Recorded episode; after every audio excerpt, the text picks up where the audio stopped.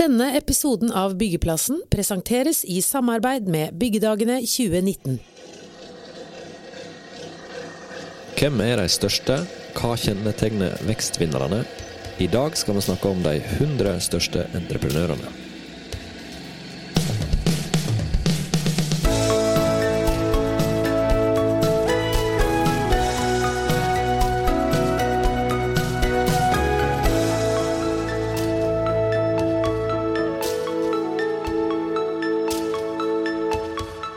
En lang og fin sommer er det på tide å få opp igjen aktiviteten her på byggeplassen. I den første episoden etter ferien skal vi snakke om selve kjerna i bygg og anlegg, entreprenørene. Hvem er det som vokser mest? Hva er det som gjør at de vokser? Og hvordan blir veien videre for en entreprenørbransje i stadig endring? Men vi trenger gjester, og i dag har vi med oss Britt Rød Lona, tidligere daglig leder VK Entreprenør. Og Kjell Senneset, jeg jobber i Prognosesenteret nå som seniorøkonom. Og la oss begynne med deg, Kjell. Du har laga lista over de 100 største entreprenørene i Norge. Hva er det med den lista som engasjerer så voldsomt? Eh, Det er nok at her får vi nøkkeltall fra fjoråret eh, som er veldig tydelige på hvem som gjør det best. Ikke så tydelig på hvem som gjør det dårligst. Eh, Vi er tydelige på hvordan det går med omsetningen, altså omsetningsøkningen, eller eventuelt fall. Det skjer, det òg. Og her har vi også tall som viser ikke minst resultat før skatt. Det er kanskje det mest interessante. Hvordan går det økonomisk med de største entreprenørene våre? Vi skal komme tilbake til den lista eh, veldig bredt etter hvert. Eh, og så må vi snakke med deg, Britt Rød Lone. Du er på sett og vis her eh, på vegne av VK Entreprenør, som, eh, som du nevnte. I juni i sommer kunne vi i byggeindustrien melde om at du ønsker deg nye utfordringer etter tolv år i selskapet. Og den gangen trua du med at du skulle starte blogg. Har den bloggen materialisert seg? Nei, du vet hva, den bloggen tror jeg den blir lagt på is. Eh, Så jeg er nok nå mer eh, på den tradisjonelle næringa vår. Jeg tror nok det er en stor eh, sannsynlighet for at jeg forblir i bygg- og anleggsnæringa.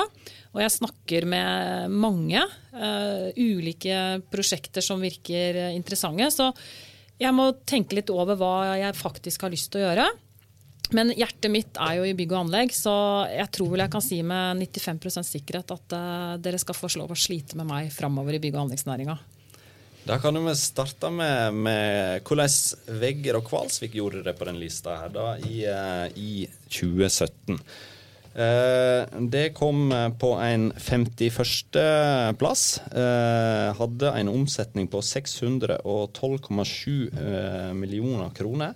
Og en ganske fin eh, resultatgrad på 8,5% Hvordan oppnår du eh, de marginene i en entreprenørbedrift? Eh, Det er jo et, et systematisk og godt arbeid over tid. Det er å bruke Jeg tenker vi bruker orda 'velge og velge bort'. Og det tror jeg kanskje noen andre entreprenører også skal tenke på. At man ikke skal gå inn i alt. Finne ut hva vi er best på. Hvilken nisje i markedet skal vi jobbe med? Og hvor skal vi bli best? Og holde oss til det.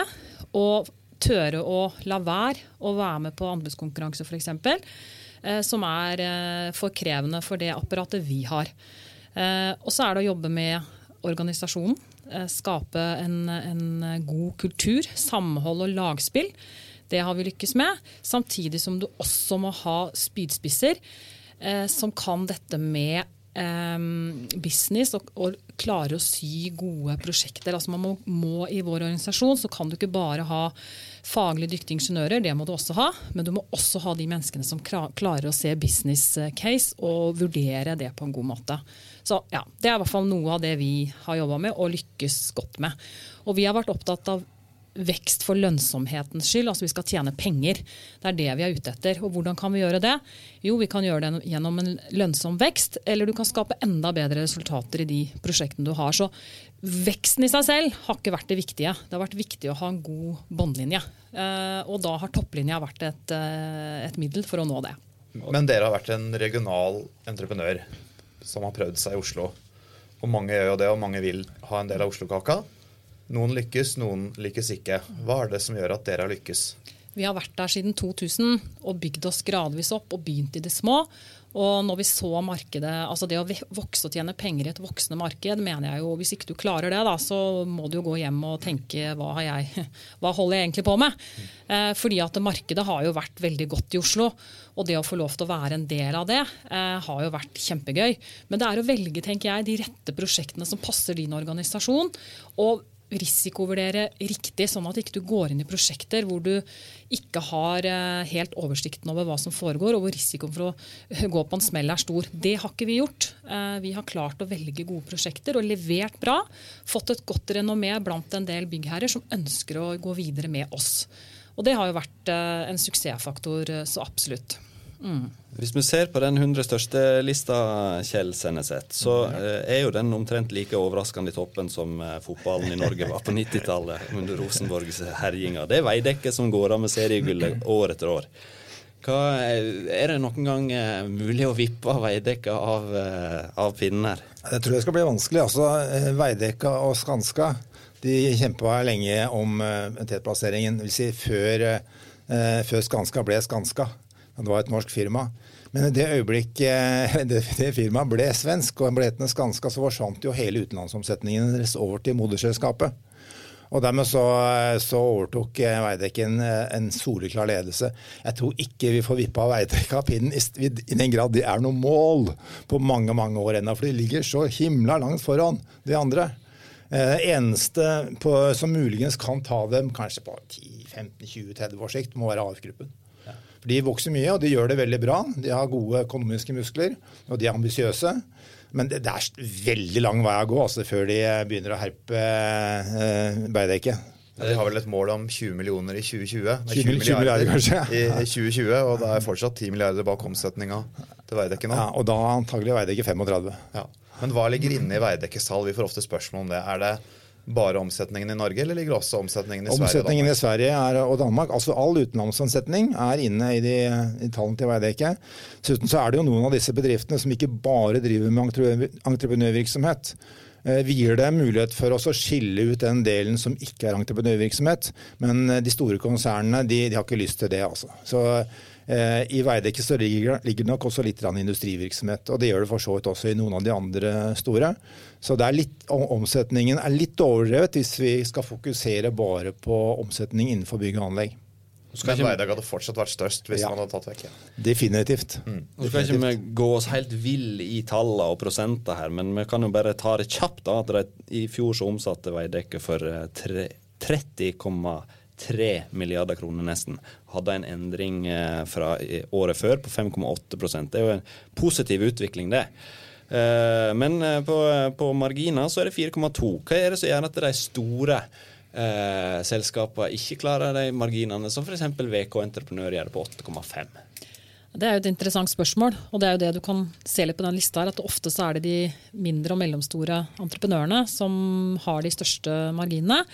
Eh, men jeg tror nok det også har litt med at som jeg sa innledningsvis, at vi reindyrker det vi holder på med. Vi driver kun med bygg, og vi driver omtrent kun med totalentrepriser. Eh, sammenlignet med Veidekke eksempel, så har vi jo lest i mediene at de sliter på anleggssida. Og er, nå vet jo ikke jeg hvordan resultatene fordeler seg hos de, men det er klart her har du med deg alt. Anlegg, bygg, eiendom osv. Eh, vi driver med én ting, og det er det vi måler. Så kanskje det er en forklaring. At du ikke ser det hele bildet. Og, og Veidekke er svært, og du har sikkert avdelinger som går meget bra. Hvis de hadde visst egne resultater. Og så har du kanskje andre steder i landet som ikke går så bra. Så det er vanskelig å si. Um, hvorfor de alltid oftest er på lavere marginer enn de mellomstore. Så ser vi at eh, Jeg vet ikke om det er høydetrening som gjør det, og tynn luft, men eh, FH-gruppen som bygger hytte, de ligger veldig høyt med, med en resultatmargin på 15,2 Hva er det som gjør at hytte, hyttebyggere gjør det så bra? Er det tynn luft? Ja, tynn luft det hjelper. Og så tror jeg det at der driver de med standardisering. Og de setter sammen de har, eh, Nå kjenner ikke jeg så godt til det selskapet, men jeg antar at de har en eh, fabrikk i, eh, i, i Eidsvoll. Og de har vel også import fra Baltikum. og de, de, tror jeg har standardisert og sett Jeg har jo sjøl hytte på fjellet og ser jo disse hyttene kommer. og det er jo montasje. Eh, en del av det, og så er det finish-arbeidet. Så jeg tror kanskje nøkkelen de har eh, vært dyktige på, bl.a. er det med å kunne standardisere og, og sette sammen et, eh, kanskje et byggesett. da. Er det noe du biter deg merke i, Kjellen, fra år til år? Du har utvikla denne lista ganske mange år nå, eh, på, på akkurat på marginsida. da. Ja, altså, jeg har jo ikke bare utvikla denne lista hvor jeg begynte vel i 85. Men eh, en del år nå så har vi jo intervjuet en bedrift også, som er spesielt interessant. Eh, og eh, stort sett så, eller ofte så hører vi at grunnen for Noe av kriteriene for å komme med som et intervjuobjekt i denne artikkelen, er at de gjør det bra. Og mange av de jeg har snakket med, de sier at vi har en, vi har en stabil arbeidskraft. Og vi har veldig lite sykefravær og et godt arbeidsmiljø. Og så har vi eh, underleverandører som vi vet klarer jobben. De er ikke så veldig opptatt av kanskje å sette ut hver eneste underentreprise priset på tilbud. Eh, De har eh, faste leverandører som, eh, som de vet eh, gjør en god jobb. F.eks. FH-gruppen, som vi intervjuet i forbindelse med siste oversikt over de 100 største. De, eh, de hadde da Gaustad Landhandleri som hovedleverandør. Og de, de berømmet dem for å gjøre en helt fantastisk jobb. De kom akkurat på dagen, bestandig. De gjorde seg ferdig på én dag. Og det kunne de planlegge etter. altså Det var som å stille klokka. Du nikka veldig her nå, Britt. Ja, eh, for det er jeg helt enig i. at Jeg tror en del av nøkkelen er jo å ha dyktige samspillspartnere. Eh, og I bransjen vår så jobber man jo med veldig mange fagområder. Eh, og hvis målet alltid er å shoppe rundt for billigst pris, eh, så tror ikke jeg at det blir bra in the end. Eh, og det er litt avhengig av hvilke fagområder du snakker om. Eh, så kan du ha Du må jo ha kanskje en pool for å kunne klare å levere. Hvis du gifter deg med en, så kan du ha litt trøbbel. Eh, samtidig som innen en del bransjer så er det viktig å vite og ha full kontroll. F.eks. kan du nevne malerbransjen. Eh, For å si det sånn, vi setter ikke de, Der er vi nøye med hva vi har, har gjort, sånn at du vet at du har dyktige fagfolk som gjør jobben for deg. Eh, Så jeg er helt enig. Du må ha dyktige samspillspartnere, du må ha stabil organisasjon. Eh, Det, det tror jeg er viktig. Vi tar en liten pause for å få et par ord fra våre samarbeidspartnere. Byggenæringens viktigste møteplass, Byggedagene 2019. Sett av datoene 3. og 4. april. Da braker det løs med Byggedagene på Oslo Plaza.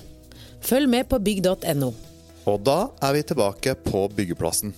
Men er det noen skjulte overraskelser i lista i år, Kjell? Eh, nei, det vil jeg ikke si. Det var ganske traust.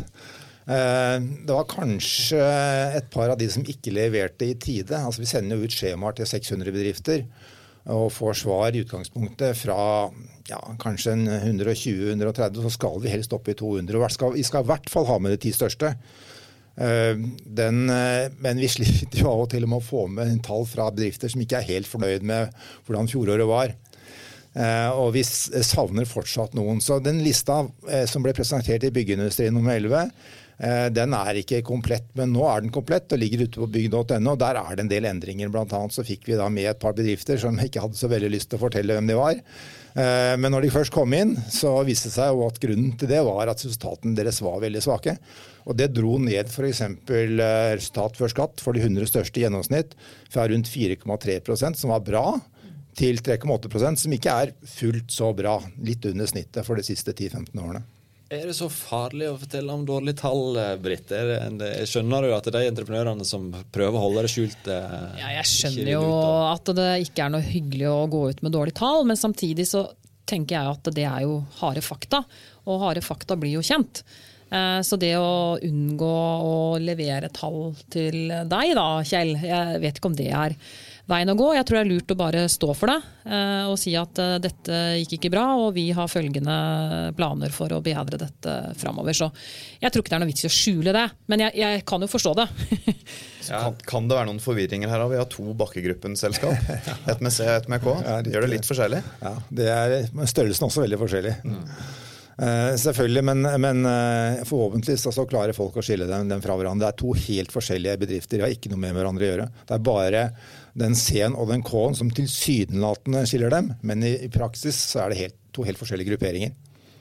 Hvis vi bare kjapt går tilbake på de som ikke gjør det så bra, da. Eh, Det er jo, eh, jeg regner med at Kruse Smith ikke var blant de som prøvde å skjule det. for De har vært veldig åpne på at de to siste åra har vært eh, vanskelige for den, eh, for den entreprenøren. Eh, de hadde et resultat på minus 3,8, men de gjør jo grep for å, å snu den trenden. og Blant annet så, eh, så eh, styrker de juridisk avdeling der, har ansatt en juridisk direktør. Er det konfliktene som gjør at, eh, at entreprenører kan gå på noen sånne smeller? Vi hører jo stadig, stadig vekk om, om ganske heftige tvister. Store summer. Ja, altså jeg tror nok det kan være forklaringa på en del eh, utfordrende resultater for eh, mange av disse selskapene. At man har gått inn i prosjekter som man ikke helt har sett konsekvensene av. Det var det jeg sa litt innledningsvis òg. Og vi har jo sjøl valgt bort en del eh, oppdrag vi, som vi har sett at dette tør vi ikke å gå inn i fordi at risikoen er for stor. Knytta til kontraktsform, knytta til hvem som står bak. Eh, Og hvis du har de store offentlige kontraktene f.eks., som også da har mye innleide eh, byggeledelse fra en del eh, byggelederfirmaer, så vurderer vi jo hvem det er. Hvem er det som er inne i kontrakten, hvem er det vi skal samspille og samarbeide med? Og da kan det godt hende vi tenker at nei, dette har ikke vi lyst til å gjøre, hvis vi har mulighet til å gjøre noe annet. Eh, Så ja, jeg tror at det å, å styrke sånn Cruise Smith som er såpass store, eh, det er nok klokt. Eh, For det er en vurdering å ta. Er dette en kontraktsform og en kontraktspartner vi har lyst til å jobbe med? Kontraktsform eh, og modeller der det er jo stadig vekk diskutert. Ja. Eh, og Statens vegvesen, eh, bl.a. med utførelsesentrepriser, som har skapt en del konflikter, og så går de mer over til totalentrepriser. Eh, har du tro på en eh, sånn vei å gå? Ja, jeg har i hvert fall tro på mye mer samspill og samarbeid. Og det her, en totalentreprise innbyr i hvert fall eh, til noe mer samarbeid. Eh, Jeg syns disse kontraktene som har eksistert nå i veiprosjektet f.eks., og leser, leser alle disse konfliktene. Eh, Veidekke sa jo noe om dette her sjøl nå når de skrev ned resultatene dette kvartalet. Eh, Og jeg registrerer jo også at eh, Vegvesenet da har utsatt en del store, tunge prosjekter, eh, nettopp for å se på kontraktsform. Det tror jeg er veldig lurt, eh, fordi at dette dreier seg om å utnytte hverandres kompetanse, samspill og samarbeid, og ikke krangling. Eh, Det virker jo som at noen av disse prosjektene er et konkurranse i krangling og lesekontrakt og poster. Det blir ikke bra. Konkurranse, du Kristian, du, Christian. Skal vi bryte opp litt? Vi kan ikke snakke bare om kjipe ting her. Nei, vi har jo med 100 quiz. størstes grand old man, så vi kjører en liten quiz. Tre Dette vet spørsmål. ikke Kjell om, altså. Nei. Så eh, Nei, hvis du klarer om. dette, så blir det veldig bra. Hvem var tredje størst på lista i 1994? Nei, det veit jeg ikke, altså. Den tar jeg ikke på strak arm. Men Nei, hvis vi sier Condip, da. I 1994 Kondip, Kjell. eh, Condip? Nei. nei, nei. Eh, De største var jo Jo, jo, de bygde Var det Condip? Nei, det er altså de bygde disse her En- eh, eh, betongplattformene ja, våre. NCC, Norwegian Hva heter det for noe? Eh, Du er veldig inne på det. Norwegian Concrete Construction, var det? Nei, det er Norwegian Contractors. Contractors. NC. Norwegian, Norwegian Contractors. Ja, Ja. Norwegian Contractors, ja. De forsvant jo ut med et brak etter hvert. Halvt poeng gir vi der. Ja. Jeg må bare si, jeg må bare si der at de, de burde egentlig ikke vært på lista. For det er et, nei, for det er et industriselskap. Det var ikke et bygge- og anleggsselskap. Men i det herrens år, jeg tror det var i 87, sånt nå, da jeg var- jobba i Bygge- Byggenæringens Landsforening, så kom da høvdingen den gangen, eh, Jakob Skei Jacobsen, og spurte hvorfor ikke disse oljeplattformprodusentene var på lista, for det var jo entreprenører. Så prøvde han å fortelle ham at nei, det er ikke bygge- og eiendomsbedrifter, dette er industribedrifter. Det har han veldig liten sans for. Så jeg har bare å ta dem inn. Prøv én til, da. Ja. Ok. 2004. Tredjeplass da. Eh, I 2004, ja, da, da altså Veidekke var jo fortsatt størst. Eh, og Skanska hadde vel da røkka ned fordi at eh, gamle Selmer var blitt til Skanska, og da var utenlandsomsetningen forsvunnet. Og, og eh, altså NCC kan ha vært en kandidat. Det var ja, på den tida var det blitt var, var NCC blitt NCC. Det var, jeg tror det var Erik Henriksen det var, før det ble NCC. Eh, ok, jeg satser på NCC. Ok. Um, det var ikke NCC, det var Mesta. Var det Mesta? Ja, det var ja, Mesta. Ja, Mesta, ja, akkurat. Du skal få prøve det, du òg. Ok, Ja. Siste spørsmål til Kjell Senneset. Hvem var tredje størst i 2014? 2014. Uh, hva jeg selvfølgelig størst. Uh, det tror jeg, jeg tror, jeg tror Skanska var nummer to, og da, da må det vel ha vært AF-gruppen. Korrekt. Ett og et halvt poeng. Ikke verst, det. Én av tre var eh, Ja, det var sånn halvveis, da. Neste gang vil jeg ha lettere spørsmål. Midt, midt på treet der, altså. Uh, Britt, hvor lå Vegard Kvalsvik på lista i 2000? Å kjære, vi var vel ikke inne på lista, vil jeg tro. Jo, det var det. Var vi det? Ja, ja. Eh, ja, da, hvis det var i topp 100, var vi på 98. plass, kanskje? Nei, 52. Hæ? Ja. Med 123 millioner kroner i omsetning, så det var litt mindre Ja, forhold den gangen. Det sier jo litt om utviklingen. Kanskje det var et år man ikke fikk inn mange svar? jeg vet ikke. Det gikk det utrolig dårlig for Nei, da, det var det ikke. byggenæringen. Vi faktisk fikk- fikk inn flere svar for ti år siden enn nå. Nå får de så mange spørsmål og alt mulig, så det er mye vanskeligere å få inn eh, skjemaene nå enn det var for 10-15 år siden. Så det er ikke derfor. Stryk på første. Shit. og for andre, for 2012, da. Samme entreprenør. Men du får bare VK-spørsmål, du. Skal vi se, 2012, da tror jeg faktisk vi også var omtrent på samme plass. Ja, Av en eller annen grunn, så Ja. det tror jeg. Ja. 98, 99 Vi var nok på 90.-plass et sted. Å ja, ja, det var ikke langt unna. Så jeg tror vi gir et halvt poeng der. 93, kjempebra. Ja. Men i 2017, altså den lista vi står og snakker om nå, Da var vi på noen og 50.-plass. Kan vi ha vært på 58. eller noe sånt da? Hadde du hørt hva vi sa i innledningen på introen, så hadde du visst dette. jeg- 51. Ja, da hadde det 51, blitt- ja. Da hadde det blitt 1,5, 1,5, Ja, ja, ja. men nå ble det Kjell Senneset som stakk av med seieren. Ja, jeg får bare gratulere. Men eh, vi får gå over og snakke litt, litt mer om disse her entreprenørene på lista igjen. Eh, svenskene har et ord for, eh, for eh, skjulte, skjulte Ja, hva man skal kalle det? Doldiser. Det er det de sier. Altså det motsatte av en kjendis. Eh, er det en doldis her på denne lista her som, eh, som du liksom tenker Oi! Det var overraskende at den kom inn. Du sa jo egentlig at det kanskje ikke var Det var ikke så, det var, altså Vi har jo arealbygg som hadde veldig kraftig vekst, men det var fra et veldig lavt nivå. De Omsetningen deres svinger som, eh, som en vareheis. I den grad den svinger, da. Det er jeg ikke sikker på. I hvert fall gå opp og ned som en vareheis. Det er kanskje riktigere. Eh, Men det var ikke overraskende egentlig at de kom seg inn igjen. Så det var, det var, det var ikke noen som eh, gjorde noen sånn voldsomme byks denne gangen. Så man, sånn at man liksom kunne si oi, shit, de der nærmer seg faktisk toppen. Men hvis du ser på de ti største, så er det to selskap, begge eid i Sverige, som ikke rapporterer resultat.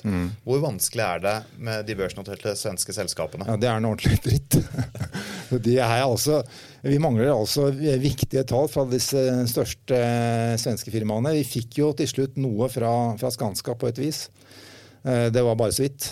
Um, mens Peab og NCC de, er, eh, de, de, de, lager ikke regnskap på liksom, avdelingsnivå når du har en avdeling i et land, Danmark eller Norge hvor som helst. De skal bare ha konsernregnskap. Og det lager masse trøbbel, fordi det betyr at, at tallene, eh, en del av tallene Vi får som regel omsetning, det er greit, men resultatet får vi ikke. Kapitaltallene får vi ikke, så de blir altså ikke helt representative. Siden de er så store, så vil et eh, veldig godt eller et veldig dårlig resultat for disse bedriftene kunne ha stor betydning for eh, utviklingen for de 100 største i alt. Så vi er, vi er, vi er veldig sinna på svenskene. Og så har vi en del konserner som også datterselskapene rapporterer egne tall. Ja. Kan du si litt om det òg? Altså, Vi har åpna for eh, datterselskaper i den grad de ønsker det sjøl. Så kan de få lov å rapportere. Og det er noen som gjør det. Eh, Så, men deres omsetning går da inn også i konsernregnskapet for eh, moderselskapet, så der blir det en slags dobbelttelling. Mm. Men, men altså eh, bedrifter som har en lang historie blant de 100 største, og som etter hvert kanskje de siste årene er blitt eh, kjøpt opp, de vil fortsatt gjerne rapportere i den grad de får lov. I den grad de spør. Det veit jeg ikke. Moderselskapet. Og mange av de gjør det jo veldig bra. Ja. Strøm Gundersen Lab, flere av de, de drar jo oppsnittet. Ja, og derfor, så, Det er antagelig derfor de gjerne viser seg fram. Derfor de gjør det bra. Jeg er ikke sikker på om Strøm Gundersen hadde vært der hvis de hadde gått i minus, f.eks. Du sier jo at det er litt sånn skit for deg som utvikler denne her lista. eh, At ikke du får inn tall. Men hvorfor er det så viktig for andre da, eh, å, å, å få denne oversikten her? Nei, det er fordi at Vi opererer jo veldig mye med gjennomsnittstall, eller totaltall, som også omfatter alle svenskene. Eksempel så skal vi prøve å finne ut hvor stort, eh, hvor stort resultatet er målt i kroner, for å kunne dele det på omsetningen. Og der har vi jo omsetningen til svenskene. Så det vi må gjøre, det er å ta ut omsetning til de som ikke leverer resultat, for å få et, eh, et resultattall som er noenlunde sammenlignbart fra år til år. Og når noen av de aller største ikke leverer et så viktig tall, så, så er altså eh, disse f.eks. resultatene de er ikke for de 100 største. De er for de 100 største minus noen. Minus noen store. Og det syns vi er noe trær, for det gjør sammenligningen med tidligere tider vanskeligere. Du rista litt på hodet nå, Britt. Ja, jeg er jo veldig enig med, med Kjell. Altså, jeg heier jo på transparens hele tiden. Ja, at man skal vise hvordan ting går. Jeg tror du, eh, Min erfaring da, det er jo at man skaper altså Man vinner når man eh, er åpne, ærlige og direkte. Så, og Det er jo en grunn til at de ikke ønsker å vise disse resultatene, for det er klart de fins. Jeg tror ingenting på at ikke NCC og de store svenske konsernene måler den norske businessen. Og Går den dårlig, så setter de sikkert i verk eh, tiltak. og så resultatene fins, men de vil ikke fortelle om det. Og Det er jo litt typisk kanskje utenlandske aktører, det er ikke bare svensker. Eh, jeg tipper at du kunne opplevd det samme med, med, amerikanske selskaper også, som eh, til tider ikke er så interessert i å flagge resultatene. Så ja, jeg syns man burde vært mer åpne om det. Tror dere vi får kinesiske selskap på den lista her om noen år? Det er ikke slett ikke umulig. Vi har jo nå fått inn eh, et par ned fra Sør-Europa. Eh, en av dem forsvant jo etter hvert veldig fort, så de har vi ikke med. De som var konk har vi ikke med, Eh, selv om de hadde omsetning i året før. Men, men, vi har begynt å få med selskaper som er, som er liksom fremmede fugler i denne lista her. og Det er for så vidt interessant og, og, og morsomt, så lenge vi får noe fra dem. Og det er ikke lett, altså. Eh. Aksjoner eh, står her. Ja, eh, Gella, som da er inne på, på, eh, på Follobanen, på den største kontrakten der, på TBM-en. Eh, Kondotte, som du nevnte, kon, eh, konka Det er i hvert fall helt i, i grensa der for å konka. Mm. Eh, men Aksjoner, blir det en, en stayer på lista? For nå har jeg fått en, en Nye Veier har gått videre der med deg. Det, eller blir det liksom et blaff? Nei, altså hvis det ikke er konk det også, da. Det kan jo hende. Hva vet jeg. Jeg tror så, de ligger litt bedre an enn Condotte. Ja, ja, det gjør nok det. Men dette er vel et arbeidsfellesskap? Det, Aksjona ja. Gella er et arbeidsfellesskap, men mm. Aksjona mm. er jo inne på ja. nye veier. Ja. De tror jeg kommer til å bli, fordi eh, det ser ut som de klarer å takle eh, kulturen og gjerne også klimaet eh, i Norge. Eh, de bruker vel noe egne folk. Jeg tror de har tatt med seg ganske mange fra hjemlandet opp til Norge. Vi hadde jo litt moro med disse som driver med Follobanen, om at eh, etter hvert som disse utlendingene begynner å merke at det blir ti kuldegrader, så reiser de med en gang. Men det gjorde de ikke, altså. De blei. Så det ser ut som Follobanen at det, den jobben går greit. Sånn noenlunde, i hvert fall. Det var jo mange som mente at de her, dette her kommer ikke til å gå, gå bra for dem. Dette her er et, en jobb som de kommer til å måtte trekke seg fra. Men foreløpig så ser det ut som de klarer å gjennomføre det. Og Det er for så vidt greit, men eh, jeg tror nok norske entreprenører eh, er litt forbanna på den eh, statsråden som dro ned, nedover til Sør-Europa eller rundt omkring i Europa. Det var en slags turné for å invitere utenlandske bedrifter til Norge. For det var så mye å gjøre på samferdsel. og De norske bedrifter klarte ikke det aleine. Det stemte ikke. De klarte det. De, ville, vi hadde klart det selv uten disse utenlandske aktørene. Kanskje hadde prisene blitt litt høyere, men ikke så veldig mye. Jeg tror Marit Arnstad angrer på den Leipzig-turen der. Ja. Uh, Hans Solvik-Olsen drar det fram ved hver anledning han kan, det er, det skjønner jeg. Det er vel ikke klassisk SP-politikk, for å si det sånn? Det kan en vel si. Men for å si det sånn, da. Aksjon og Gella. Eh, vi må snakke bitte litt eh, på tabellplasseringen her. De ligger på en 13.-plass. Det suser oppover fra 22. på 2016 til, til altså 13. i 2017. Så krabber de oppover. og Er de inne på topp ti neste år allerede? Det, det, vil vise seg. altså Jeg tror kanskje de har nådd toppen. Eh, jeg tror ikke det, blir, det blir ikke sånn topp nå. Vi visste jo at de ville komme til å bygse, bykse, så det var ikke noe overraskelse. Uh, det kan jo ja, jeg, jeg, jeg, tror ikke at de kommer inn på topp ti allerede neste år. Men hvis de fortsetter å, å, vinne jobber, og de har jo faktisk funnet et par jobber også de siste, så kan det hende. Men de er jo inne på anlegg, kun anlegg. Og at en, en, ren anleggsbedrift skal komme inn på de ti største eh, over bygg og anlegg, det ville være litt uh, overraskende. Så jeg tror ikke noe på det at de kommer inn de ti, blant de ti største riktig ennå. Vi mennesker elsker sånne lister og uh, sammenligner og bruker lang tid på å kikke på dem. I entreprenørmiljøet, Britt, når kommer, denne 100 største lista kommer, hvor lang tid bruker en liksom på å gå gjennom og kikke på hva naboen finner på? Nei, vi, jeg tror veldig mange kikker på den og er eh, selvfølgelig veldig selvsentrerte. Man er jo først opptatt av seg selv. Altså hvor er jeg på lista i år? Eh, og det er jo ekstra artig å se på lista når Sånn som for VK, da, som har gått veldig bra de siste årene. Og vi har eh, vokst med 100 millioner i året, skapt gode resultater. Da er det jo litt artig å se hvor er vi på lista nå. Men eh, det er veldig vanskelig å krabbe veldig langt oppover, sida. For det er jo stadig konsolideringer eh, som kommer, som gjør at eh, mange andre får større omsetning, selv om vi har vokst eh, jevnt og trutt. da. Så ja, vi bruker litt tid på den lista, og det er interessant også å se hvor ligger vi i forhold til markedet. Uh, og jeg ser jo også etter forbilder på lista. Jeg ser, legger jo merke til de bedriftene som tjener penger over tid. Og vi nevnte jo Strøm Gundersen i stad. Jeg syns de uh, har levert utrolig bra resultater i alle år som jeg har vært i bransjen. Og det er tolv år. Og det er jo en grunn til det, og da bør man jo look to them. Altså det å se på de bedriftene som faktisk går bra, og prøve å finne ut av hva gjør de som ikke vi har tenkt på. Så det er også smart, tenker jeg da. Ja. Og nå skal vi passe på så ikke vi vokser over den tida vi har avtalt. Tusen takk til deg som hørte på. Takk til Britt Rød Lone og Kjell Senneset. Takk til Alf Magne Hillestad som hadde teknikken. Kristian Aarhus og Frode Aga var programledere, og vi er snart tilbake med en ny episode av Byggeplassen.